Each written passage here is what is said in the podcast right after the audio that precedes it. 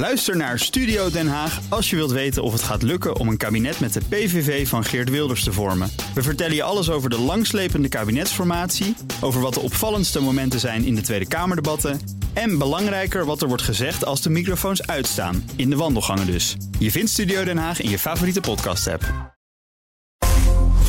De Big Five Week van het faillissement wordt mede mogelijk gemaakt door Peet. De cashflow-formule voor gezonde financiën. Nieuwsradio. The Big Five. Paul van Liemt. Als ondernemer hoop je nooit failliet te gaan en toch vallen jaarlijks meer dan duizend bedrijven om. Wat als je droom van een eigen bedrijf uiteenspat? Daar praat ik over met vijf deskundigen in BNS Big Five van het faillissement. We onderzoeken waardoor bedrijven in de problemen komen en wat de opties zijn als je onderneming bankroet is. Vandaag is bij me Gerben Evert, sinds september 2021 directeur van de Vereniging van Effectenbezitters. En daarvoor was hij negen jaar lang bestuurslid van de Autoriteit Financiële Markten. Welkom. Goedemorgen. Ja, we hebben net even gesproken. En het is ook al belangrijk natuurlijk eh, om te zeggen... Uh, die zegt, uh, niemand zegt u tegen mij. Ik, ik probeer nog een poging te wagen, maar het ga ik proberen nu in te houden. Dus we proberen het op uw basis te doen. En voordat ik het met je ga hebben over de rol van, van de beleggersvereniging... van je VEB bij het voorkomen van faillissementen... wil ik eerst dan twee dingen van je weten. De eerste, je behartigt de belangen van behoorlijk veel Nederlandse beleggers, 1,75 miljoen. Het aantal faillissementen is in maart licht gestegen, volgens het CBS. Maar niets is zeker. De kredietverzekeraar uh, Atradius verwacht een verdubbeling van het aantal faillissementen. Hier geven mensen vaak verschillende antwoorden op. Maar knijpen beleggers hem ook al een beetje nu? Nee, we zijn waakzaam, maar we begrijpen heel goed wat uh, in de vorige ja, gezondheidscrisis nodig was in de tijdelijke steun van bedrijven en ook ja, individuen. Ja, en uh, er zitten natuurlijk een paar bedrijven bij die het na de, de coronacrisis uh, niet gaan redden. En een paar bedrijven, helemaal een verdubbeling van het aantal faillissementen. Ja, maar er is een sterke vermindering geweest in de afgelopen jaren. Dus die verdubbeling, ik denk dat de markt dat kan hebben en dat het niet tot hele grote zorgen aan onze kant uh, aanleiding geeft. Dat betekent, uh, er komen er een paar bij, maar geen golf. Ik zie niet dat echt grote beursgenoteerde bedrijven onderuit gaan uh, nu. Uh, het zijn met name, denk ik, klein, kleinere bedrijven. Mensen die zelfstandig zijn. Uh, ja, en die zeggen van, joh, ik red het op mijn vakgebied niet meer. Ik moet me omscholen, ik moet wat anders gaan doen. En tot op heden kreeg ik vanuit de overheid nog wat steun. Maar ja, dat houdt nu, nu op. En dan moet ik wat anders bedenken. Ten tweede, je was negen jaar, zoals ik zei, bestuurder bij de Autoriteit Financiële Markten. Nu directeur van beleggersvereniging VEB. Wat is jouw persoonlijke drijfveer bij het inzetten voor een betere, misschien wel eerlijke financiële markt? Ja, als je het zo vraagt, ik, ik denk dat ik mijn leven uh, in het echt, echt, um, ja, alles wat ik heb geleerd en wat ik doe uh, in mijn werk, inzet om eigenlijk faillissementen en, en negatieve dingen te voorkomen. Um, ik ga niet mee met een soort boom-bust-economie. Dit is populair, dus daar ga ik nu uh, mijn ziel en zaligheid uh, aan energie uh, aan wenden. Ik zorg ervoor dat kwetsbare mensen, die misschien niet voor zichzelf kunnen zorgen, dat die goed worden bediend door maar en de heeft overheid. Heeft het ook een, een persoonlijke achtergrond? Want dat helpt natuurlijk wel vaak als je als je, je echt hier serieus voor in wil zetten. Dat denk ik wel. Ik kom uit Noord-Nederland, dus we weten allemaal dat de Groningers sterk te lijden hebben aan de overheid, die in de goede tijden ze wist te benaderen in de zin van de gaswinning. En wanneer het de nood aan de man kwam, zich niet heeft laten horen toen nou ja, de schade er kwam, dat er veel werkloosheid is daar. Dus dat heb ik echt wel meegekregen. Maar ook vanuit mijn privéleven. Ik kom een kind uit de jaren 70, begin jaren 80 de oliecrisis. Uh, mijn vader een tijdje werkloos. En ik heb ook gezien wat dat met een persoon doet. De eigenwaarde van iemand die niet meer op dat moment mee kan in de samenleving. En zichzelf echt moet terugwinnen kan vertrouwen. Dat is allemaal goed gekomen. Maar ja, dat heeft wel impact op mij gemaakt. Dat betekent dat kiezen voor vastigheid, zuinig leven. Ik zag ook, vond ik interessant, je hebt geen horloge. Ik kreeg wel eens het toevallig gezegd, nee, ik draag nooit een horloge. Nee, vanaf de introductie van de mobiele telefoon denk ik, daar zit een klokje op. En misschien is dat mijn noordelijke zuinigheid. Maar ja, ik heb ook iets met, met alle nou ja, toeters en bellen van dure auto's. En zie mij eens even, daar heb ik niks mee. Ik ben wat dat betreft heel bescheiden. Historisch weinig bedrijven gingen failliet de afgelopen tijd. Uh, grotendeels te danken aan coronasteun. Dat was ook voor aandeelhouders flink oost. Dat betekent, uh, als je het een beetje uh, nou ja, columnistisch wil zeggen... bijna slapend rijk worden met behulp van overheidsgeld. Ja, dat is wel waar. Uh, bedoel, je verwacht van mij misschien dat ik dat ontken en denk van nee, maar die dat bedrijven gewoon niet. Nee, ik hebben goede niks. keuzes gemaakt en bedrijven hebben goed gepresteerd en dat is ook waar. Maar ja, op het moment dat je de rente heel laag uh, maakt als centrale bank, als je als overheid, uh, ik geloof dat er 46 miljard in de economie is gepompt, wat er normaal niet was, ja, dat betekent dat mensen die iets hebben belegd en die bedrijven die steun ook krijgen, gratis geld kunnen lenen, ja, dat het uiteindelijk de aandelenkoers naar boven heeft geholpen. Kun je zeggen dat daar te weinig discussie over is, over deze manier van doen? Ehm, nou ja, er is nu de discussie over die box 3. Van wie moet uiteindelijk dan uh, de belasting betalen in de toekomst. En er wordt natuurlijk ook gekeken naar historische rendementen. En dat is ook weer onze zorg. Dat je, omdat er een gezondheidscrisis was, die de overheid financieel is gesteund. automatisch vanuit gaat dat de komende jaren dezelfde rendementen worden gemaakt. Wat we op de beurs ook gisteren en vandaag zien dat het echt niet gebeurt. Uh, nee, dat zou inderdaad uh, makkelijk zijn. Ja. Nee, dan weet je precies hoe je moet handelen de komende jaren. Nee, dat risico blijft erin zitten. De Belastingdienst moet vanaf oktober belastingschulden gaan innen. Dat leidt bij ondernemers tot slapeloze nachten. Bij veel ondernemers, die, die we ook allemaal kennen. Bijzonder uitstel van betaling kregen ze vanwege corona. Maar nu ziet het er echt dramatisch voor deze mensen uit. En je kunt zeggen, je moet het niet dramatischer maken dan het is... maar je kunt beter wel zeggen hoe het werkelijk is. is ken jij ze ook, deze ondernemers? En, en, en bij Bosje zelfs, die, die echt hier heel bang naar uitkijken? Ja, kijk, eh, ik denk eigenlijk, het, eigenlijk ehm, de oorzaak zit erin dat je een andere crisis hebt gehad eh, dan, dan de crisis die we in het verleden hebben gehad. De financiële crisis 2007, die in 2011 en 2013 nog een keer terugkwam. Landenniveau, vastgoed en dergelijke. En we wilden overheid en, en, mensen wilden dat we koet deze gezondheidscrisis de baas zouden zijn. En niet dezelfde fout zouden maken door te denken: oeh, dan moeten we heel voorzichtig zijn en minder geld uitgeven als overheid. Dus ik denk dat de steun die ook de Belastingdienst, dat is nu een grote crediteur voor, voor al, die, uh, al die ondernemers geworden. Ze hebben daar eigenlijk een lening lopen dat het heel verstandig is geweest om iedereen het hand boven de hoofd te houden. In de zin van, we hebben de mensen nu heel hard nodig. Er is een groot tekort aan, aan, aan, aan menskracht.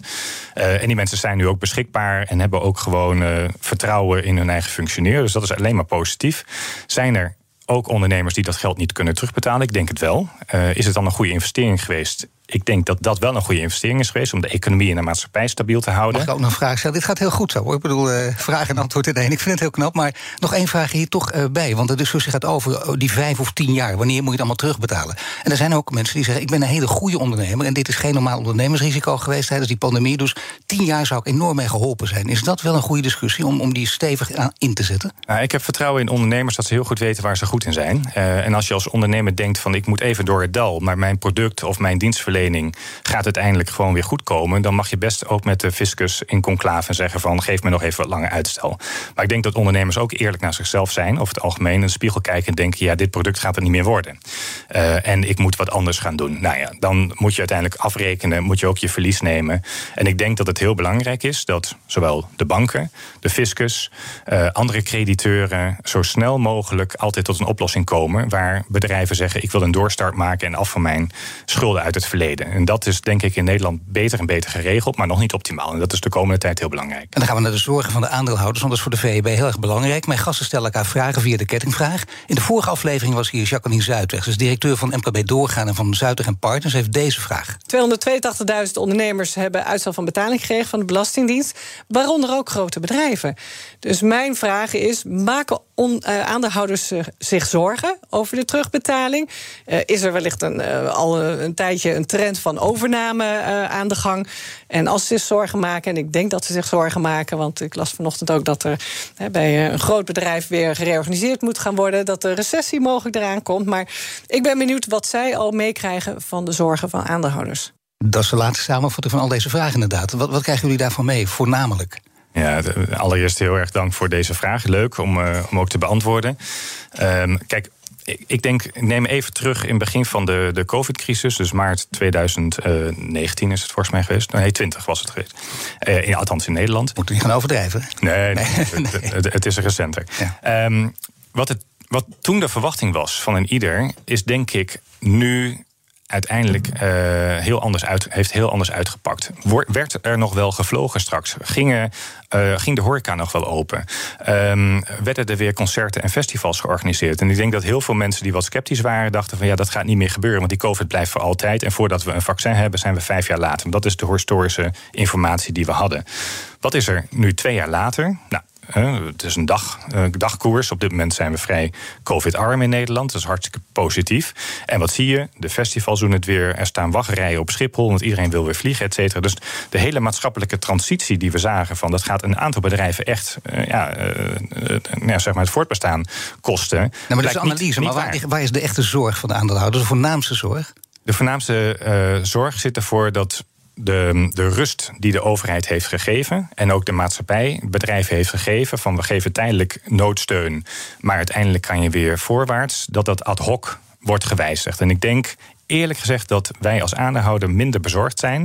Ik denk dat de Europese Commissie stabiel is qua functioneren. De Nederlandse overheid ook echt die COVID-crisis uh, op een nette manier heeft, heeft aangepakt. En er gaan altijd wat dingen fout. Maar bottom line denk ik dat de maatschappij en de economie echt is behoed voor een dramatische golf naar beneden.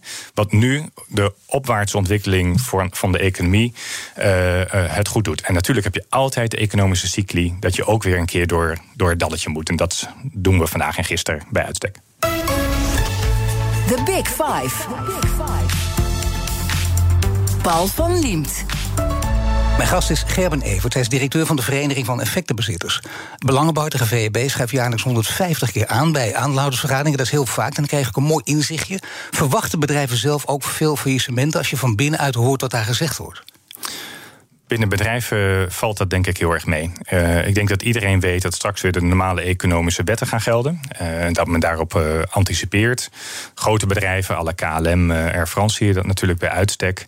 Stap voor stap wordt er ook in de kosten gesneden. Want straks moeten ze weer zonder de overheidssteun en zonder de leningen.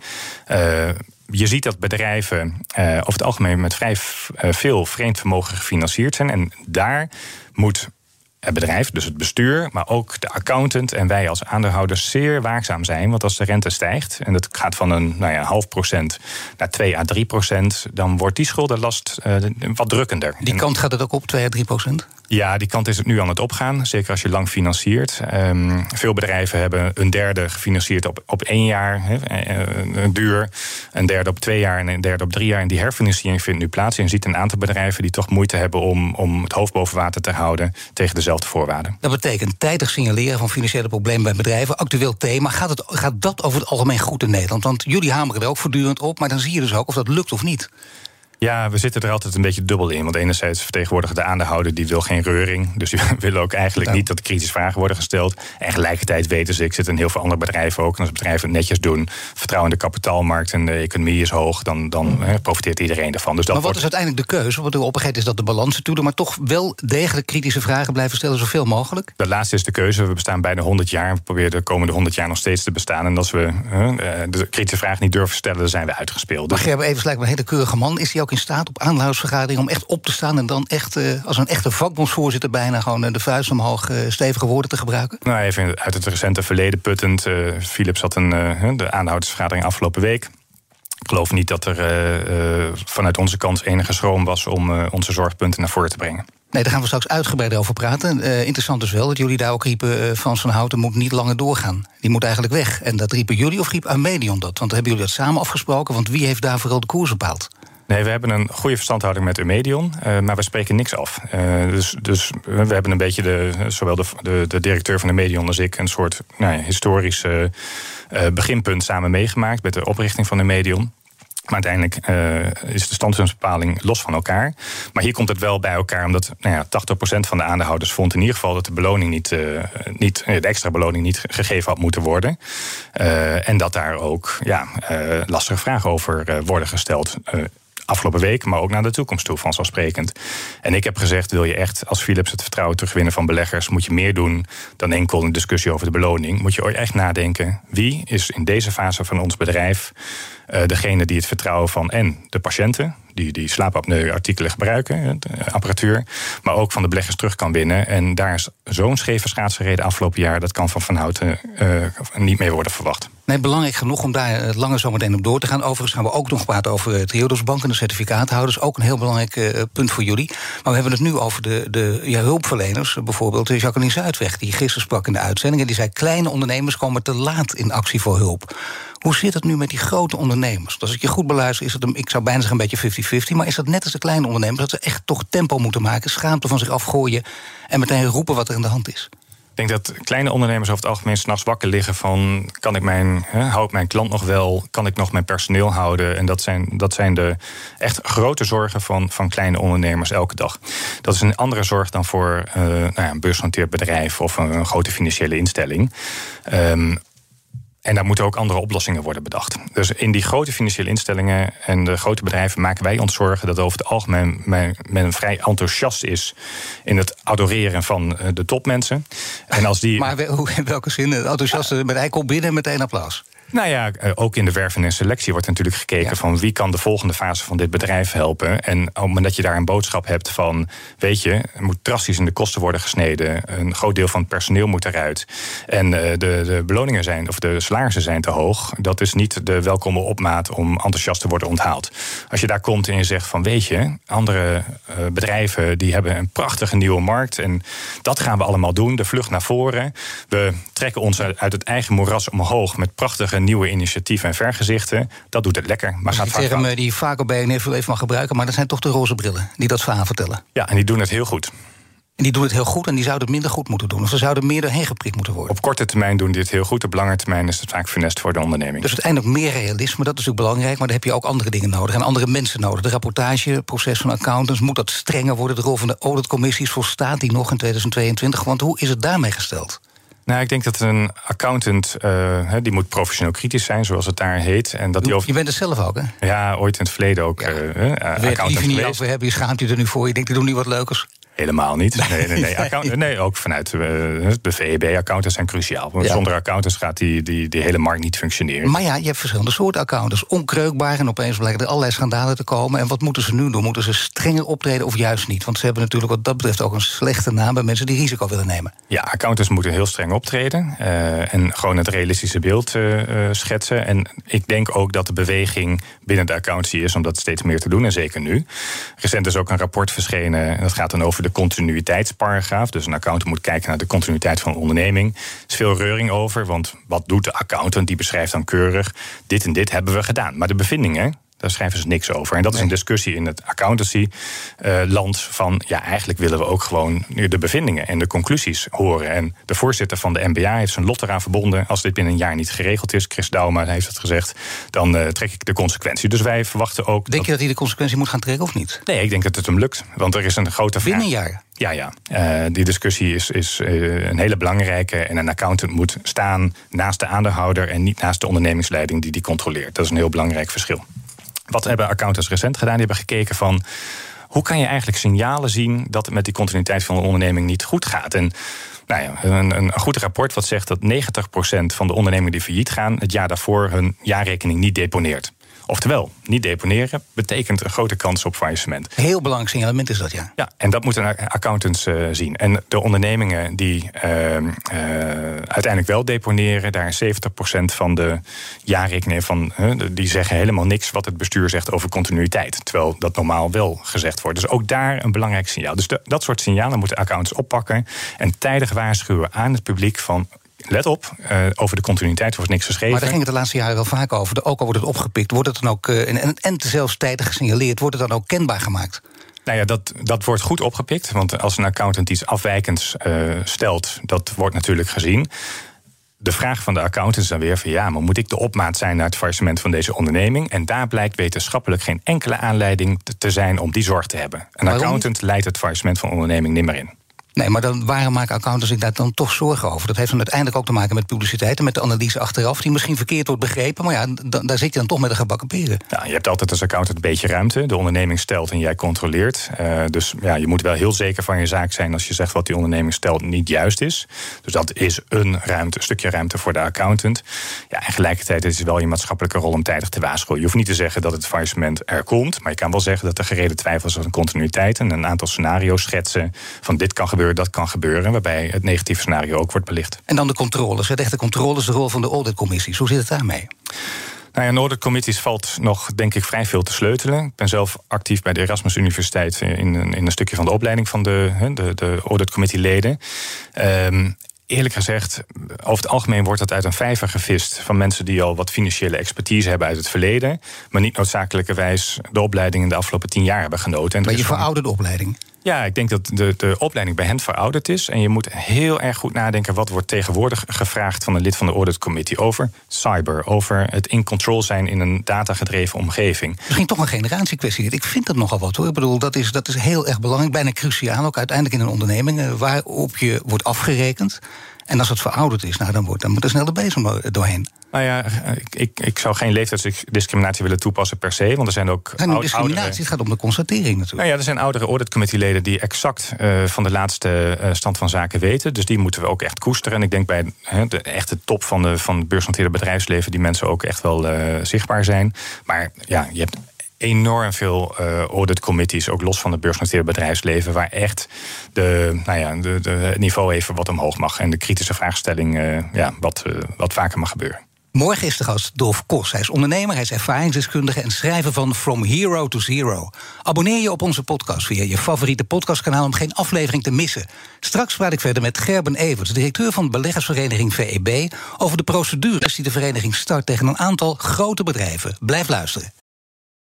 Ook Harm Edens vind je in de BNR-app. Je kunt BNR Duurzaam niet alleen live luisteren in de app, maar ook terugluisteren als podcast, zoals al onze podcasts.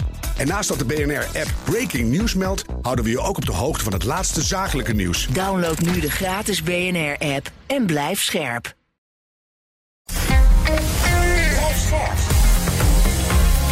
BNR Nieuwsradio. The Big Five.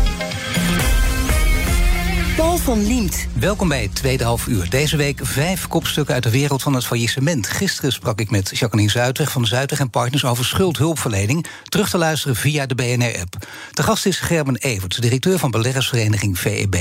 Komend half uur wil ik in ieder geval nog twee onderwerpen met je bespreken: de impact van de klimaatcrisis voor het bedrijfsleven en de procedures die VEB start tegen grote bedrijven om gedupeerde beleggers te helpen. En om met het laatste te beginnen, eh, op tijd signaleren, dat scheelt veel faillissementen. Soms kun je naar een andere financiering op zoek of je bedrijf halveren om een faillissement te voorkomen. Allemaal mogelijkheden. Maar was de voornaamste reden als bedrijven alsnog in de afgrond van dat faillissement belanden?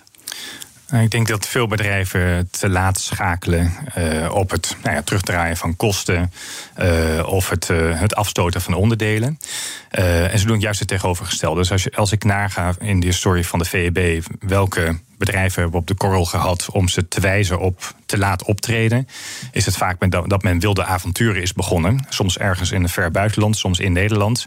Terwijl ja, de, financiële situatie eh, dat niet toeliet. En de deep pockets die bijvoorbeeld start-ups hebben om dat te doen. eh, Denk aan de, de, de, de, nou ja, de, de- leveranciers van goederen en dat allemaal online Ja. gaat en dergelijke. Ja, die hebben deep pockets, hè, de Ubers en de, de andere. Die kunnen een tijdje doorgaan. Die kunnen een tijdje doorgaan, ook al verdien je eigenlijk niks op elke levering. Maar dat, dat kunnen heel veel bedrijven niet. Dus vanuit nood wilde sprongen maken is vaak een opmaat naar een faillissement. Wat kan eh, de VEB doen? Juridisch en publicitair de, strijd aangaan met partijen die, die door haar verantwoordelijk eh, kunnen worden gehouden voor misstanden. Dat is natuurlijk een heel belangrijk wapen dat jullie in handen hebben. Maar als je ook die geschiedenis even bekijkt, dat is ook altijd mooi. We staan 100 jaar en als je dan ook eh, net bent aangetreden, is het leuk om daar kennis van te nemen. Ik weet dat je geschiedenis zit natuurlijk helemaal in het hoofd gegrepen en even, kan niet anders. Maar wat is dan een hele belangrijk als ik, als ik deze wapens voorhanden heb? Gaat het bijvoorbeeld Imtech, is dat een goed voorbeeld? Nou, is een, eh, denk ik een heel goed voorbeeld. Imtech was een, een, een zeer respectabele eh, partij hè, de, eh, in Nederland. Eh, eh, een technisch bureau, wat, wat leuke dingen deed in Nederland en echt groot was, beursgenoteerd, uitstekende reputatie. Wat uiteindelijk wilde avonturen deed. Ging naar Duitsland, Poolse pretparken. Dus uiteindelijk bleek het met fraude niet de goede informatie naar buiten te Het brengen. was geweldig, maar het bleek een puinhoop. Het bleek uiteindelijk een puinhoop. Eh, en ze hebben gewoon de, de waarheid verdraaid. eh, en dat lang kunnen volhouden. eh, totdat ja, ook de accountant het genoeg vond. En, en dan de bel trok en zei van ja, zo gaan we niet langer verder. Maar waar het over gaat, is dit is terugkijken naar het verleden. Dat doe je om daarvan te leren, want hier heb je wat aan. Staat dit zo op zich dat je zegt, dit kun je nergens mee vergelijken? Of heb je hier wijze lessen uit kunnen trekken? Nou, hier komen een paar lessen wel bij ons naar voren. Dus ook al heeft een bedrijf naar buiten toe een goede reputatie van een overnamemachine. En eh, zie eens even hoe succesvol ons Nederlandse trots is in het buitenland.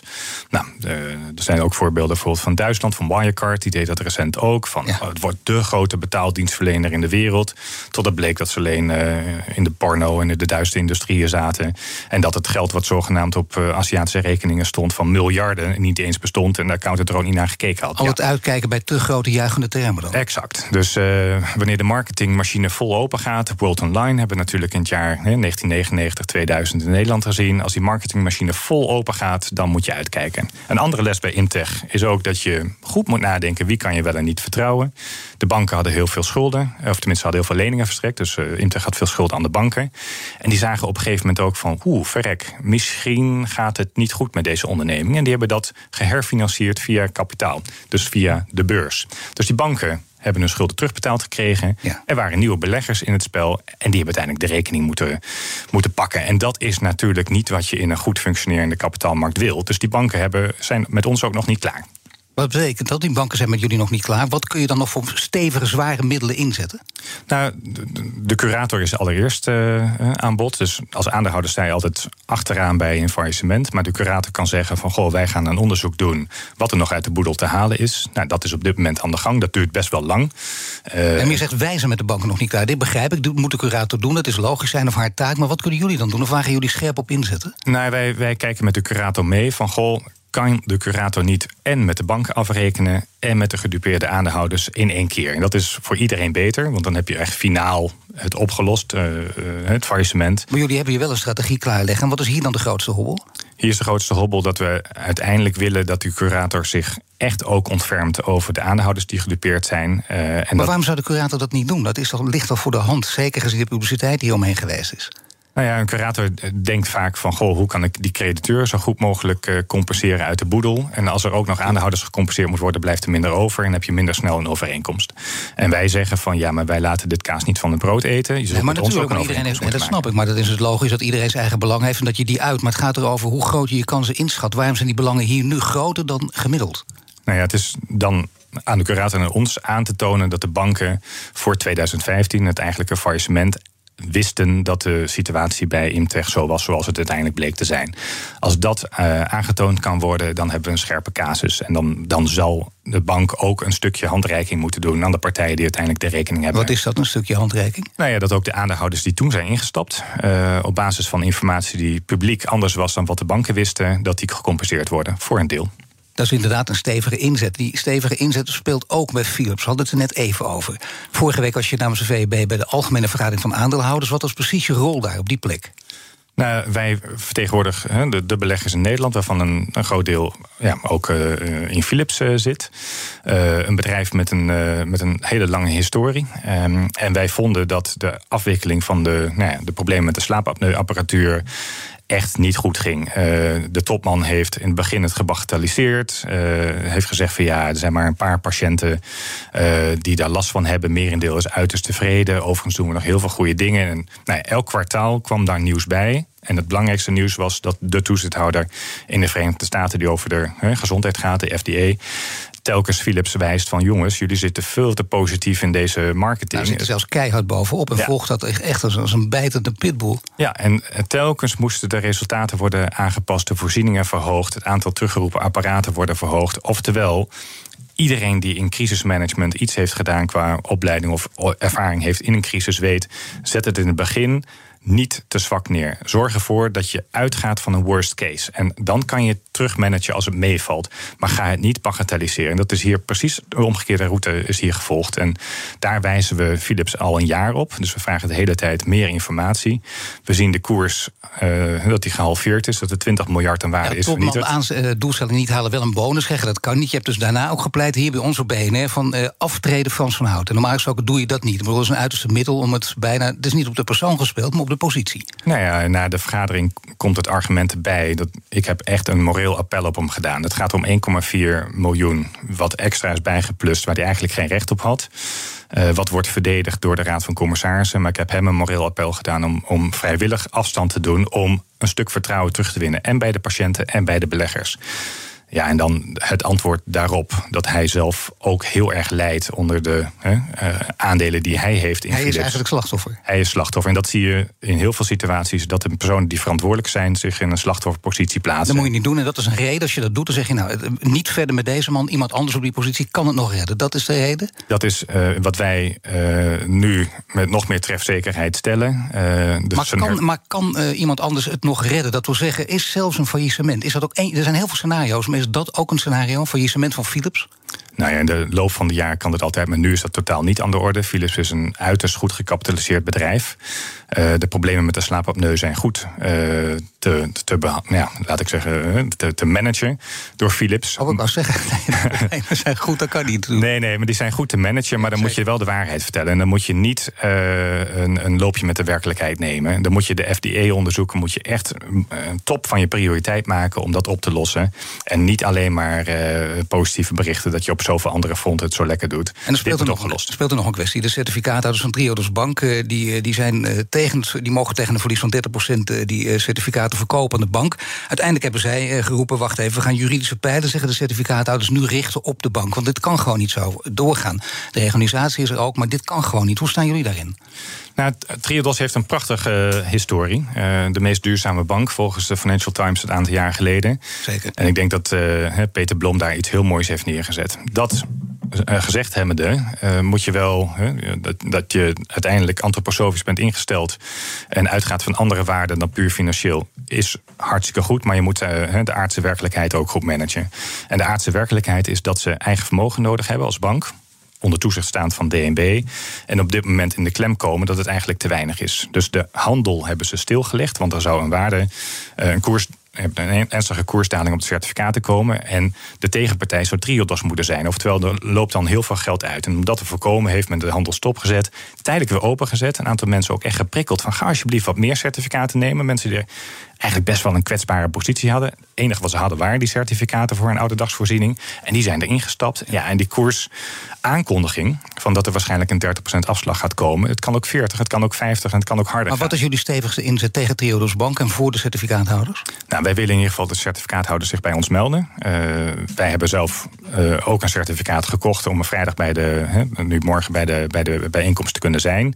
En wij willen eigenlijk van Triodos horen wat is er in het verleden nou gebeurd wat heeft jullie um, eigenlijk gemotiveerd om ook die handel weer even ja, open te zetten? Natuurlijk, en als daar geen antwoord op komt, dat dan? Ja, dat antwoord moet komen. En als Triodos dan niet zelf geeft, dan moeten we ook een richting een enquête misschien gaan om ja, de waarheidsvinding uh, hierover naar boven te halen. Niet zozeer om de situatie van de certificaathouders nu te trekken, te, nou ja, op te lossen. Maar wel om te zorgen dat dit naar de toekomst toe op een hele andere manier wordt gemanaged. Dus ook een enquête is een belangrijk scenario dat je achter de hand hebt. Ja, zowel bij Triodos is het belangrijk, maar ook voor andere banken in, in soortgelijke situaties.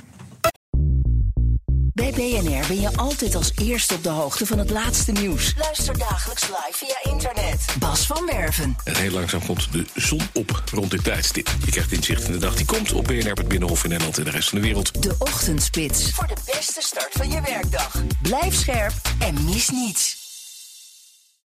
BNR Nieuwsradio. Nieuwsradio. The Big Five. Paul van Liemt.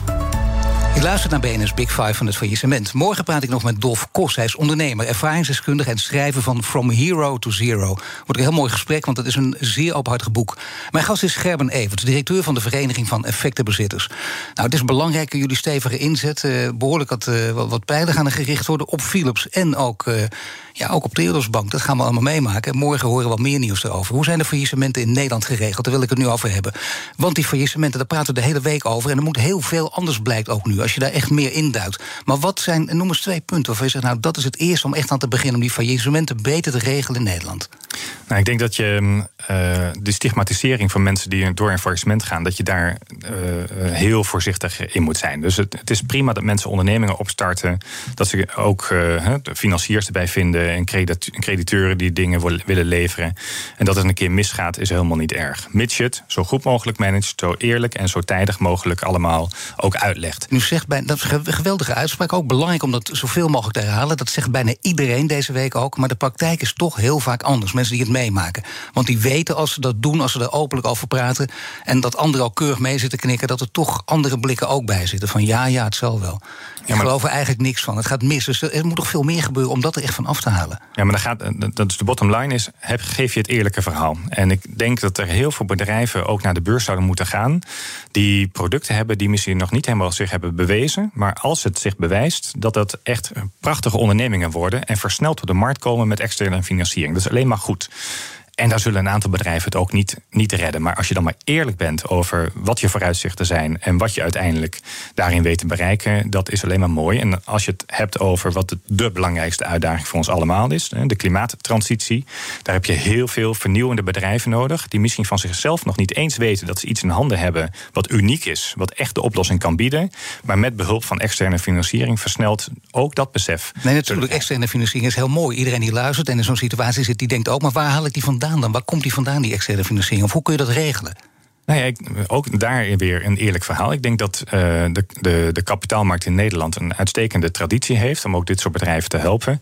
En eigenlijk zou de toegang tot de beurs moeten worden vereenvoudigd voor nieuwe initiatieven die uiteindelijk de wereld redden van, uh, van, van, uh, van de opwarming. Ja, maar dat is een interessante, want hoe doe je dat dan? Ja, je moet goed nadenken van goh, hoeveel jaren heb je een bedrijf in de historie nodig alvorens je naar de beurs uh, kan gaan. Uh, hulp bij bijvoorbeeld het opstellen van een prospectus wat je nodig hebt om naar een beurs te gaan. Misschien kan je een aantal bedrijven samenbrengen en dat in één keer naar de beurs brengen als een soort fonds.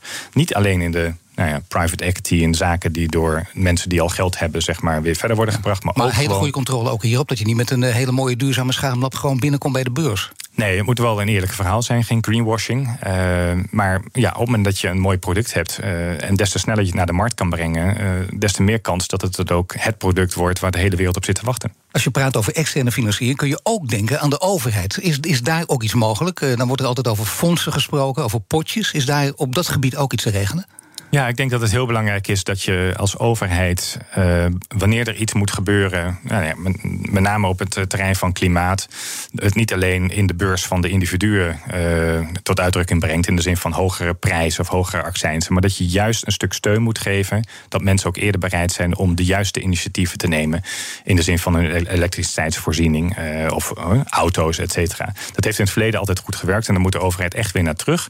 En de ja, laat ik zeggen, de, eh, de spanning die erop zit bij die fondsen. Van ja, maar hoe worden ze gemanaged? En er zitten waarschijnlijk weer uh, ambtenaren aan het roer. Ja, daar moet je echt vanaf. Want er zijn hele goede mensen om ook dat soort fondsen te managen. Dus je moet ook, ook dat is een ander stigma, dat ambtenaren die kunnen veel meer dan we denken. Althans, van ondernemers denken. Op dit moment heb je geen keuze als Nederland dan ontzettend, ik noem het agressief, in te zetten op de transitie. En de overheid moet daar echt de helpende hand ook financieel in bieden.